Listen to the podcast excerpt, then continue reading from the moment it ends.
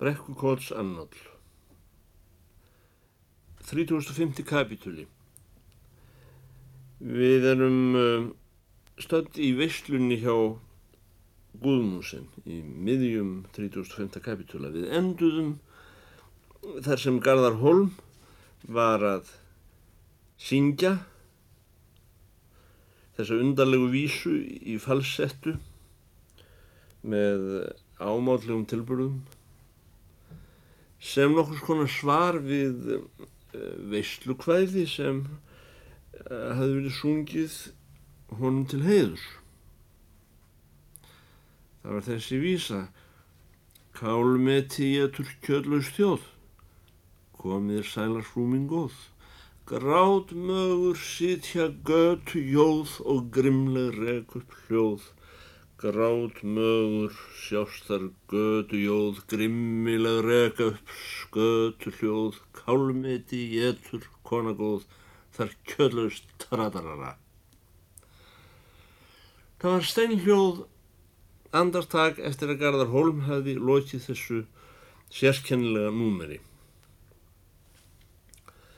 Kaupmaðurinn gaf gotur kringum borðið til að rannsaka undirtektir samkvæmisins og sá fljótt að umfum hafi stokki brós.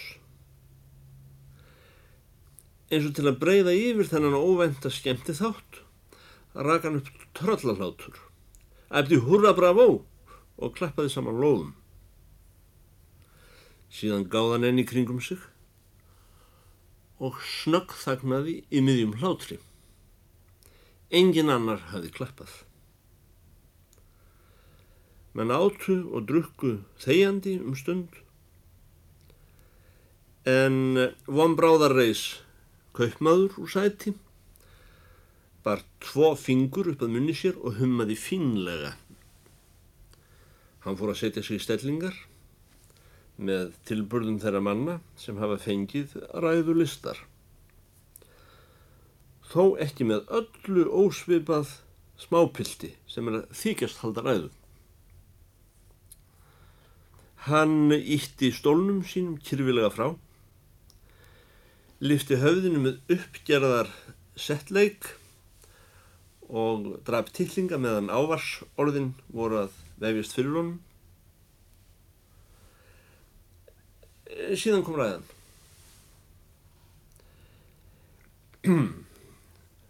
Ég ætla að leifa mér að segja fáinn orð til að hilsa upp á okkar heimsfrægavinn sem er svo frægur að ef við gætum sett okkur fyrir sjónir yfir vættis er hans fræð að réttu lægi.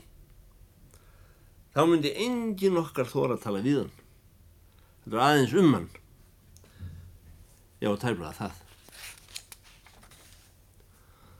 Ræðumadur skauð nú augum til konu sinnar. Til þess að gá hvort hún væri ekki dálítið upp með sér af því að eiga bonda sem kynni að standa upp og halda ræðun.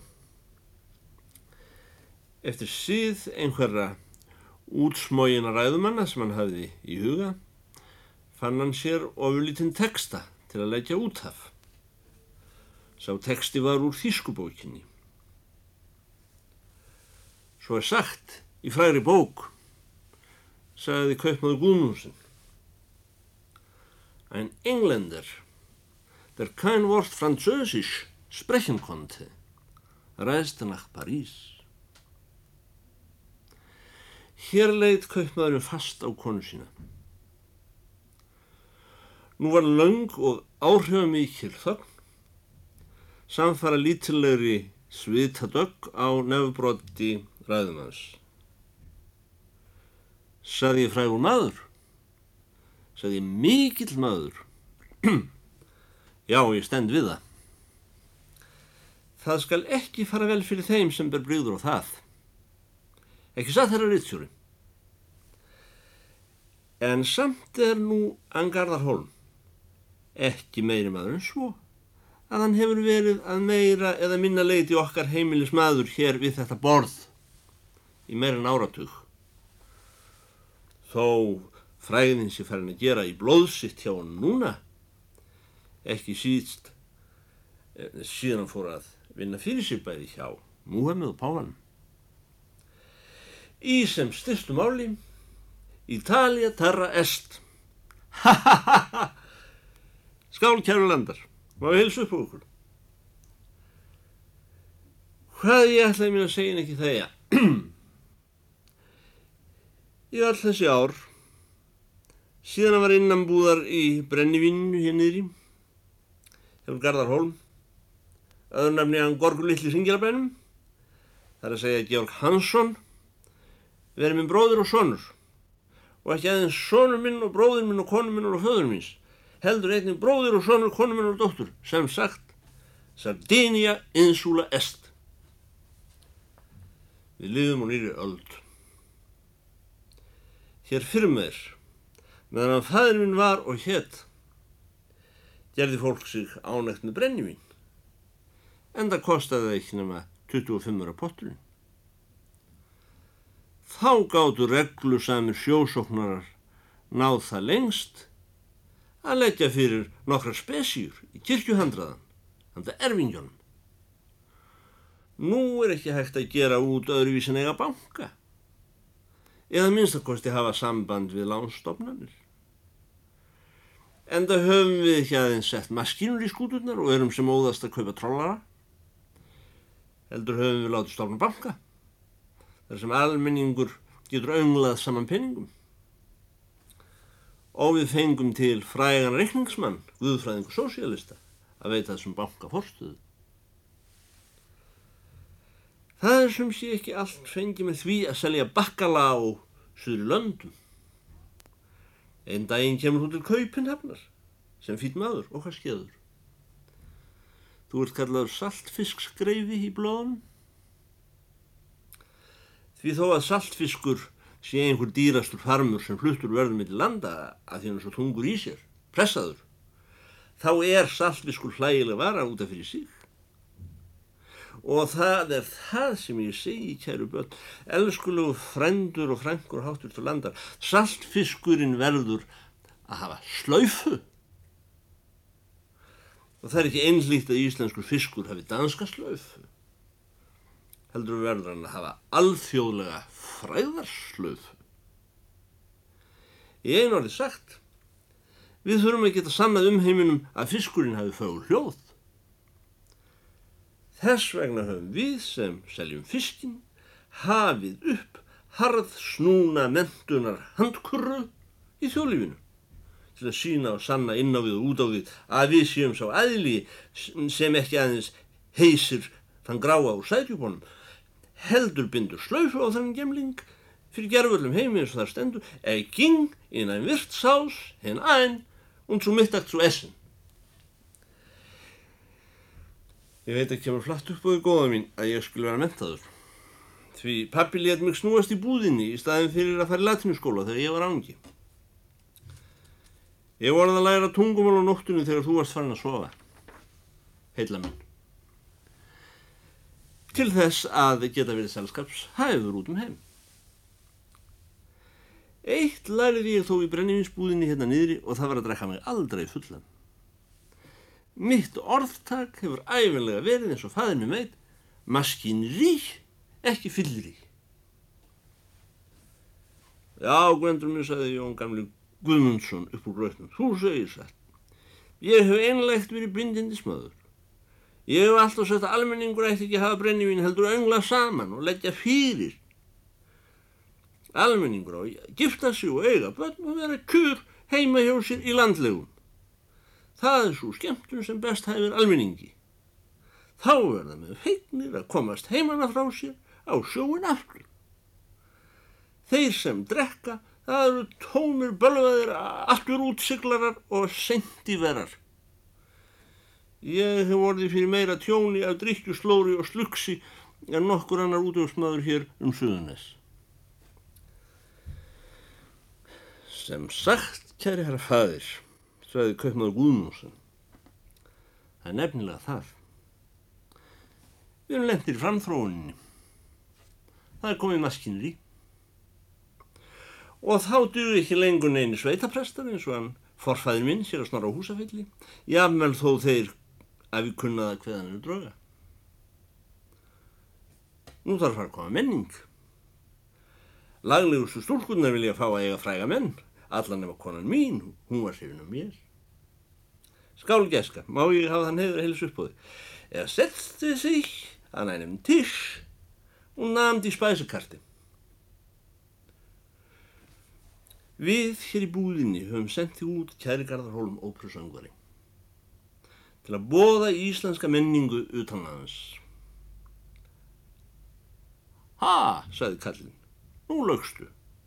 Ég veit ekki betur en við höfum hreinlega rekið hann að því að hann var svigóttur, óstundvís og kjáftfór og stóða á hann ófröður hér í búðinni.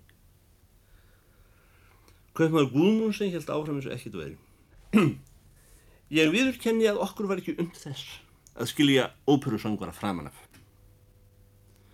Hver treysti sér til að viðurkenna söngmann hér á Íslandi? Með leifi, hvað er aftur eða fram á kú í söngfræði hér á Íslandi? Aftur á móti varð ég fyrstur manna til að beigja mig undir viðurkenninguna, undir eins og var fenginn í Danmarku. Ég gleymi sent hvernig datt ofan yfir mig árið eftir að Gorgur var reykinn. Þegar ég var á ferði í Kaupmannahöfn og gest komandi hjá mínum gamla tryggðavinni honum Jensen sláturmestara á samt með kringlugerðar forstjóranum úr Álaborg. Við höfum sem sé, eins og þú maðurst, herra óperusöngvari, sendt þig í slátrunarhús í Kaupmannahöfn þegar útsíða var um að þú dyðir í brennivíninu hjá okkur. Við vildum þér vel, þrátt fyrir allt, hér í landi. Nú segir Jensen við mig. Sagan um Herold hefur endur tekið sig. Íslendingunni sem þú sendir mér syngur herra en allir í sláturhúsinu. Ég let kalla mannin fyrir mig og Sören sem forstjóra, máminn sem spilar á túbuna í Álaborg Í sláturhúsum er mikill hávað eins og allir vita, sagði sláturmestari eins við mig. Ekki síst að slátraðar 1100 svínum á dag. Hversu oft hef ég ekki sagt við hans Sörensen máminn, Dú Sören. Það er aðeins eitt svína sláturhús í Danmörku sem yfirgnæfið orkestrið í Álaborg. Og þetta er sláturhúsi hjá mér. En Þegar við vorum búinir að heyra Íslandingin Grenja, öll þau trölla útilegumanna og drauga kvæði sem höfðið eru á Íslandi, þá áttum við ekki lengur fóður undir fatt. Við sendum mannin rakleiðis til professors. Dægin eftir var hann komin með vottorð. Komið með mann, segi ég, sem ég heiti til að Gvendur Gúðmundsson Og hvað haldi þegar þessir göfugu vinir mínir í Danmörku hafi tekið upp úr pókahorninu hjá sér nefnaðan Georg okkar Hansson hérna úr Ringjarabænum sem hann pappi hafi reykið úr snafsinum hjá sér hér um árið. Og vottorðið var eins ekta og nokkur konglegt embættis vottorð getur framast verið í Danmörku með stimpli og öllu saman frá konservó lavatóriunu Þessi maður er undur veraldar. Hann vantar ekki annað en þískan og ítalskan skóla til að verða heimsfrægur stóðu þessu votturði. Eða var það frá Lotterio Observatóriinu. Ég er ekkert að vefja það, nema að ég fór það í endun í Vasaminn, tók upp butunum mín og segi við fórstjóra Danmarskur, vesku há ég að borga. Við þessa sögu ætla ég að leifa mér að bæta því. Að ég hefði lítilsáttar veður á því að vinir mínir í Danmörsku hefðu sín á milli afráðið að senda þennan Íslanding til Þískalands og Ítalíu. Mér þóttu nú illa reykinn trippin og sama þótti mínum kæra háttversta föður sem þó aldrei hefur verið talin út auðsandi og lifaðið öðrega kost meira en nokkur maður á Íslandi um hans daga og ekki bragðanum að haframilsgröti mannsaldur og gengið í fötum sem búðarmenn okkar hafa lagt niður. Okkur þótti sem þá væri bitið höfuðið af skam íslensku þjóðarinnar ef óefnilegum úlingum sem Guðmundsens búð gæti ekki eins og nýtt til að hafa í brennivinnu skildi vera lift upp af dönskum slökturum til þess að verða manni út í heimi og kannski meira að segja sénjum eins og Danir gerðu úr þeim Albert Torvaldsen og Níls Finnsen. Við erum skilnaðar menn, feðgar og svo er blað okkar, foldin. Ég spurði og Pápi spurði og all búðin spurði er ekki komin tímin til að við erum Íslandingar sem erum að leggja nýður árabáta og byrja meskinir í? Förum að eignast eitthvað sjálfur því til sönnunar að hér búi ekki enn sömu selinnir og fyrir voru árið 1874 þá er Ingólfur Kaupmaður Arnarsson setti búð þar sem við nú stöndum. Úr því forstjórar fyrir áreðanlegum dönskum fyrirtækjum bölva sér upp á það. Og vottorð er fyrir hendi frá príma dönskum profesorum að hér sé Íslandingur sem getur sungið hærra en slátuhús þar sem stungin eru 1100 svín á dag. Aug túpunar í Álaborg. Gefur þá ekki auga leið að við hér heima sem hinga til höfum dreyið þögla fiska dögum okkur til og spýtum í koppin og hættum að vera eintómið bölvaðir saltfisk skreifar eins og bönar segja. Heldur látum fiskana fara að opna kæftin svo þau munar. Og þar með gaf ég skipunum að þessum manni skildi kæftur frakki og helkakki og gestur hún séni í fulli stærð. Allt upp á búðarnarreikning og hann láti hann fara út um alla heima og geima til þess að kynna landið. Það er mál til komið að fara að hætta að tala um Egil Skallagrímsson sem guppaði framann í fólk. Það er komin tími til að fara að framkvæma stórhuga íslensk öfumæli eins og það sem ég vittnaði á þann fiskurinn hefur sögur hljóð, minnst hann ofta á heiðum, arnar renna eina slóð eftir sjónum breyðum. Ég segi, hef sagt og mun segja, sá fiskur sem ekki syngur um allan heim, það er döður fiskur. Það má ekki segna vera að við hér á Íslandi förum að hafa syngjandi fisk með slöfu. Velkomin heim, kæri landi, að þínu forna og nýja borði hér á laungu stjætt. Við trúum á þig. Þú ert hinn syngjandi fiskur þessa lands, þó þessi ég, Dula Gvendur, sem segi það, skál. Kaupmaður Gunnúsen hafði vallalóki ræðu sinni, nýja uppskorið til hlýðra hlófatak og ekki einu sinni fengið tóm til að gá fram hann í konu sína hvernig henni hefði líkað. Þá var Garðar Holm söngværi staðin upp og byrjaður á þakkarræður. Ég haf þann heiður, sagði óperusöngværin. Það var viðstattur eitt það stórfenglegasta hóf. Það volduðu útbóði matvæla sem haldi hefur verið gullsnúruðum personum í Európa á vorum dögum. Á þessari nýju öll sem runnin er í almanækinu þó við höfum öngur sönnum fyrir því öðru nær að tíminn gangi áfram. Hvað um það? Runnin er svo dagur, hór sem tíminn líður aftur og bæðið áfram, að ég hlýt að segja orð sem ég skulda þessu húsi, þessu fína húsi, sem ekki aðeins hefur bundið slöfa á kött og kanar í fuggl, heldur keipt fiskinum orðstýr og afsannað þið fornkveðina, það er Það var einu sinni kongur og drottning ríki sínum og kall og kelling koti sínum. Ég skal reyna að segja æfintýrin eins langt og nær í þessu húsi, einmitt hér niðri þar sem okkar elskulegi stórfadir Jón Guðmundsson hefur verið keisari yfir fleiri sönglausum fiskum en nokkur ísendingur. Þar hófst Karlssonur upp með söng. Ég er eftir að sagt, hér var þann illrendur fyrir org og grenjan.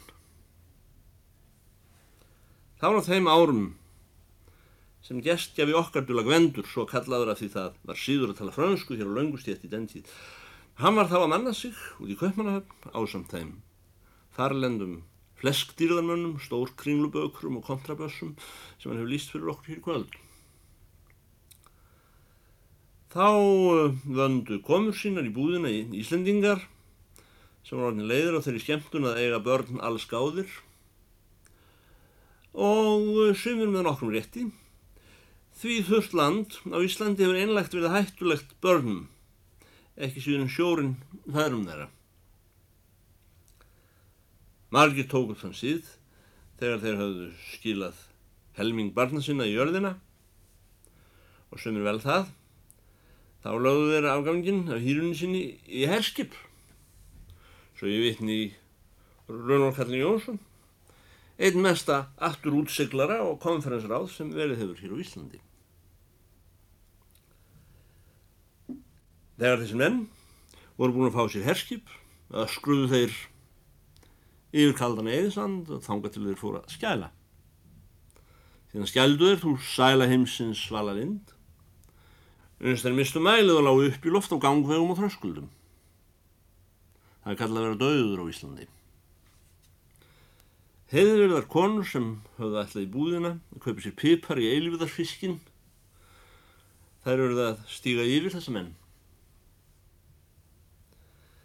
Það göðu hvað æfinlega með bannmaður greið Bjón Guðmursson fram í og hafði gert lúður við eira sér með lóanum yfir hafraglögnum svo hann heyrði ræðuna og ekki get ég gert að því þó heimskunni sé ekki tilt í mannfólkið. Þegar ég var ungur þótti mér gott lísi, en ég blandaði það með tjörlu, til þess ég drikki ekki á mikið af því. Ég er hálf nýraður og hef aldrei drukkið svo um munar annað en missu. En undan hennu hef ég út á gröð. Og vist voru þeir tilguðisílof sem aldrei sungu. Garðar Holm óperusöngur í helt áfram. Þegar mennin voru búin að jarða þessi 40 til 50 af hverjum 100 börnum sem þá var síður að jarða hér á Íslandi með hollri og ekta sorg þá höfðu þeir til að bjóða búðinni söngorustu og ógu fram öngum smerri slísvagnum en andra rýmum þar sem menn eru stúnir eins tólk eða skornir eins kæða Það var að standa sig herran mín og frúr. Ég var um þessan munir rétt nýkomin úr mútum. Ég ætli að lýsa fyrir okkur þeim sigri sem ég vann eftir við mestan sigra þegar ég uppgötveð að mér hefði í kappsöng tekist að gera eitt mesta svola og svaðil menni í þessu bæjarfélagi svo þurr hásan að ekki barst lengur frá honum stuna. Þannig að konsertin varði ekki út kljáður öðruvísi en með pústrum.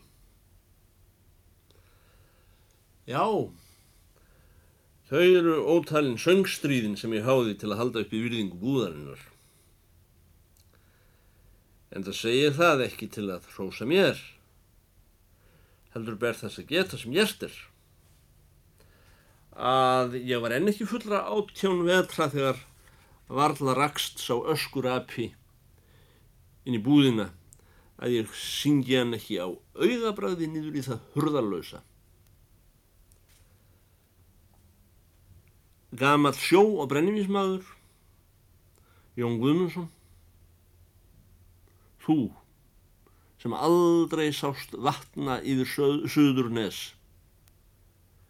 nýja dreiptir tungunni í annaðin misu og þú kæri dula gvendur Dannibróks og tungumálamadur svo framvegis sem ég endist aldrei að telja hér þakkar loks svo búðarloka ykkar úr snapsinum sem þið vildu gera undir slátrara í Danmörku.